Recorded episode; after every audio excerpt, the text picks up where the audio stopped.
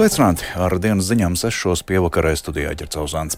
Vispirms ieskats tajā, ko vēstīsim. Ar savstarpējiem pārmetumiem beidzas Latvijas pasta padomas un satiksmes ministrijas sadarbība, padome atkāpjas, tiesības sargs uzsver vārda brīvības nozīmi un rosina klasificēt bērnu grāmatas pēc to atbilstības vecumam.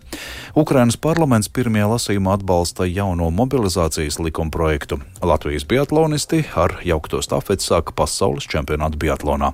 Par šiem un citiem tematiem turpinājumā plašāk.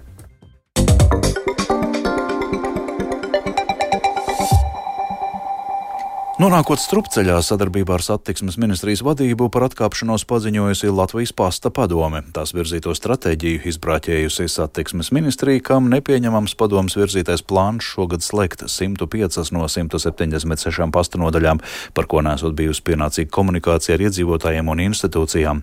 Vienlaikus bijušajiem padomas locekļiem pārmet ekstravagantus tēriņus labāko darbinieku apbalvošanas pasākumu rīkošanai, tāpat bijušajiem uzņēmumu padomas priekšstādātājiem Raimondam Raimondam Dūdam došanos dārgos mācību braucienos uz Šveici, par ko samaksāti 25 tūkstoši eiro.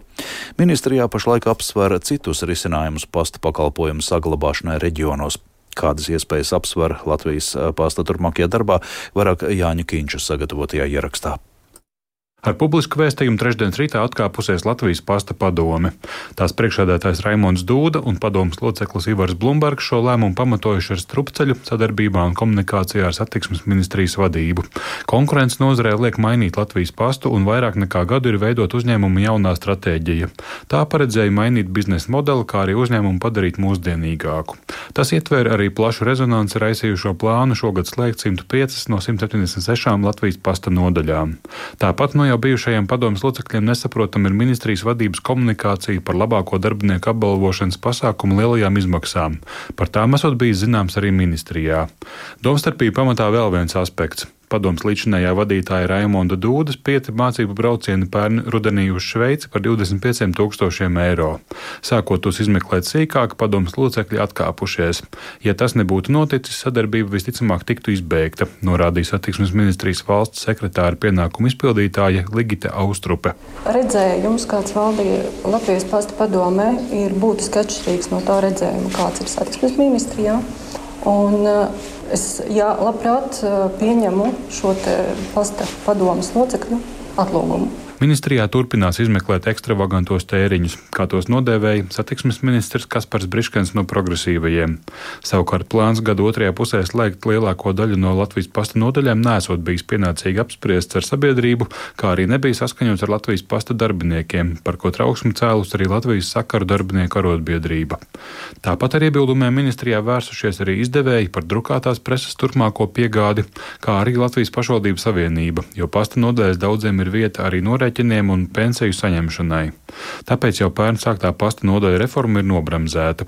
Briškens klāsta, ka par pasta pakalpojumu pieejamību cer uz jēdzīgu sadarbību ar uzņēmumu valdi.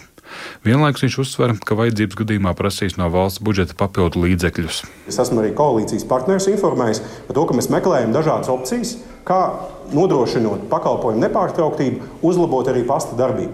Piemēram, vērtējam iespējas pasta nodaļas apvienot ar šiem pašvaldību vienotajiem klientu apkalpošanas centriem, vai izvietot viņus bibliotekās, vai apvienot pasta nodaļas, veidot viņas dzelzceļa stacijās, vai vienoties ar mazumtirdzniecības uzņēmumiem, tā skaitā mazajiem veikaliņiem, degvielas uzpildes stacijām par iespēju daļēji šos pakalpojumus nodrošināt šādā veidā. Papildus tam, ka tiek attīstīts pakalpojums attiecīgi pastniegs pēc pieprasījuma. Latvijas pasta līdzinājās padomas publiskā komunikācija aprobežojās ar rakstisko vēstījumu. No papildu komentāriem par izteiktajiem pārējiem pārmetumiem no jau bijušais Latvijas pasta padomas loceklis Ivars Blumbergs izziņā Latvijas radio atteicās. Drīzumā satiksmes ministrija izsludinās konkursu uz vietām Latvijas pasta padomē, savukārt pagaidu locekļus izraudzīs jau drīzumā. Jānis Kincis, Latvijas radio. Veselības ministrija šobrīd mēģina saprast, cik izmaksās Stradiņas slimnīcas jaunā korpusa būvniecības līguma laušana ar būvfirmu Velve. Kā liecina būvnieku pieredze, šādu lielu būvobjektu pārņemšana notiek reti. Tas ir gana sarežģīts pasākums, un atrast jaunu būvnieku varētu būt vēl sarežģītāk.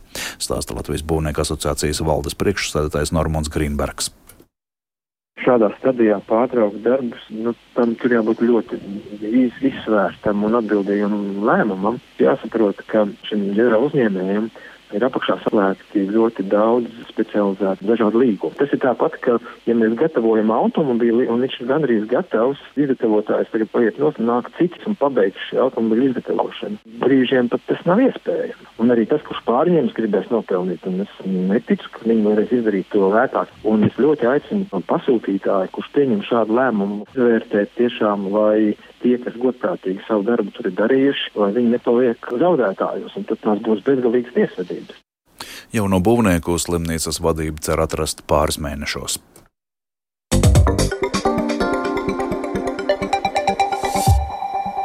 Ukrainas parlaments šodien atbalstīs mobilizācijas likumprojektu, kura mērķis ir iesaukt armijā vairāk karavīru. Likumprojekts ticis vērtēts pretrunīgi un izpelnījies kritiku sabiedrībā un politiķu vidū. Militāra personas jau mēnešiem ilgi lūgušas valdību iesaukt armijā vairāk karavīru līdz pusmiljonam un atbrīvot spēkus izsmēlušās armijas daļas.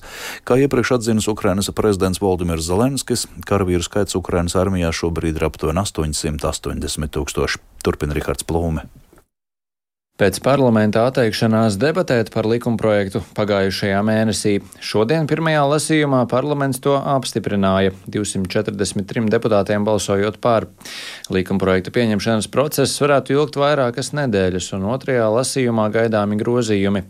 Likumprojekts, ko valdība iesniedza decembrī, paredz pastiprināt sodus tiem, kas izvairās no iesaukšanas armijā, un samazināt kara dienesta vecumu no 27 līdz 25 gadiem. Tas arī paredz samazināto obligāto kara dienesta laiku no neierobežota līdz 36 mēnešiem.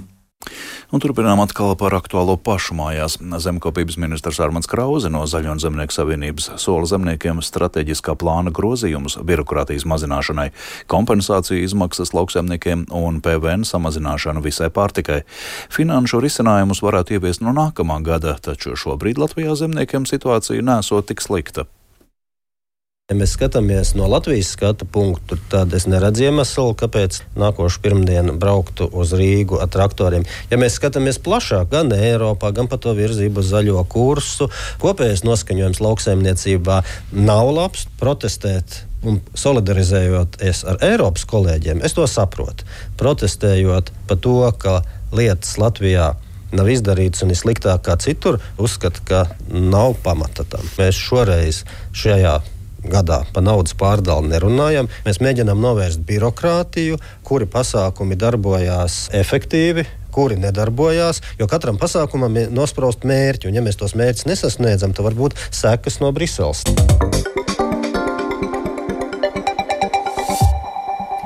Tiesības sargs izstrādājis atzinumu par bērnu tiesībām būt aizsargātiem no viņu labklājībai kaitīgas informācijas un rosina klasificēt bērnu grāmatas, kurās iekļauts bērniem iespējami kaitīgs saturs pēc to atbilstības vecumam.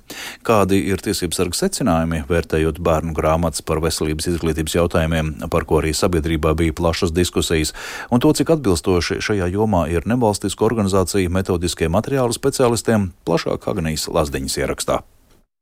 Vērtējot lietu saistībā ar bērnu aizsardzību no kaitējošas seksuālas uzvedības, tiesības sarga birojas secina, ka metodika, pēc kuras šajā jomā apmāca izglītības speciālistus, nav adaptēta Latvijas tiesiskajai sistēmai, tostarp profesionāļiem, kas strādā ar bērniem, trūks normatīvajiem aktiem atbilstošu metodisko materiālu bērnu seksuālās uzvedības novērtēšanai un kaitējošas seksuālās uzvedības atpazīšanai. Valsts šādu materiālu izstrādā esot ļoti pasīva un informācijas vakumu cenšoties aizpildīt pārvaldīt nevalstiskās organizācijas, taču tiesības sargu uztrauc tas, ka organizāciju materiāli nav adaptēti Latvijas tiesību sistēmai. Kā norāda tiesības sarga biroja bērnu tiesību nodaļas juridiskā padomniece Kristīna Freiberga, tā ir ļoti būtiska problēma, kas arī labi zināma nozares ministrijām un atbildīgajām iestādēm ir novērojis, ka bērni paši vai savstarpēji veic kaitējošu seksuālu uzvedību, kas nereti laikam ejot attīstās līdz reāliem noziedzīgiem nodarījumiem, ko jaunieši jau nu, lielāki bērni jau pastrādā pret citiem bērniem. Un aprūpas un izglītības iestāžu darbiniekiem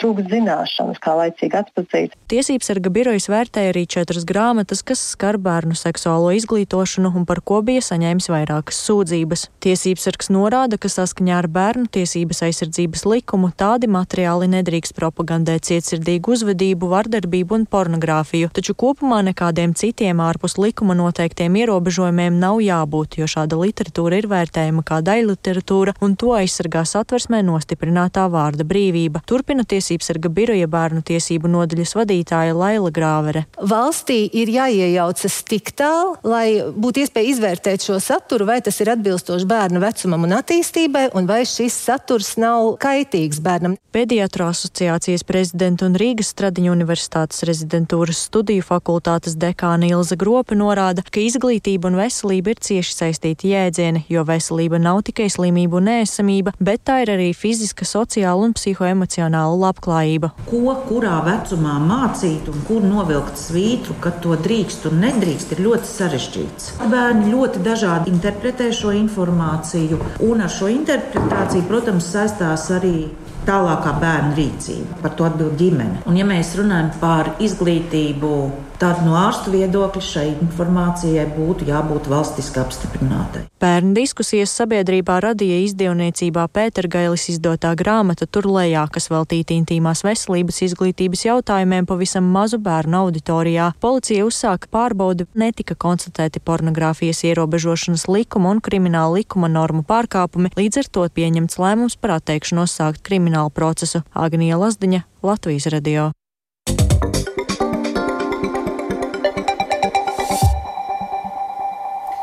No šodienas Aleksandra Čaka muzejā jauna izstāde, kas tu biji Anna Bērziņa. Tā veltīta Čaka sievai, kuras vārds publiskajā telpā zināms maz. Viņa bija interesanta un spilgta personība, neatsvarams atbalsts dzinieka dzīvē. Abu ceļu šķīrās 1944. gadā, kad Anna devās bēgļu gaitās uz rietumiem, bet Čaks palika Latvijā. Stāsta muzeja direktore Antra Mēdene. 1941. gada 18. oktobrī Svētā Jāņa baznīcā ļoti pieticīgā tādā procesijā viņi salauzās. Fotogrāfijas ir diezgan daudz saglabājušās. Anna vienmēr ir ļoti, ļoti skaista. Viņai bija laba figūra. Savā laikā viņa jaunības trakumā Mākslas akadēmijā bija arī kā aktu modelis studentiem, un arī vecumdienās viņa stingru sevi turēja rokās. Vēl par sportu. Latvijas biatlonisti bez Andreja Rostargujeva sastāvā šodien sāks pasaules čempionātu Čehijā. Šo sezonu pasaules kausā aizvadītas divas jauktās stafetes, kurās labāko rezultātu Latvijas komandai izdevās sasniegt pirmajā pasaules kausa posmā, ierindojoties 17. vietā. Bet vairāk par šodienas sacensībām stāsta Lotārs Zariņš. Latvijas biatlonisti Renārs Birkentāls, Edgars Mīse, Baiba Bendika un Sanita Buliņa šodien Čehijā startēs pasaules čempionātā jauktajā stafetē.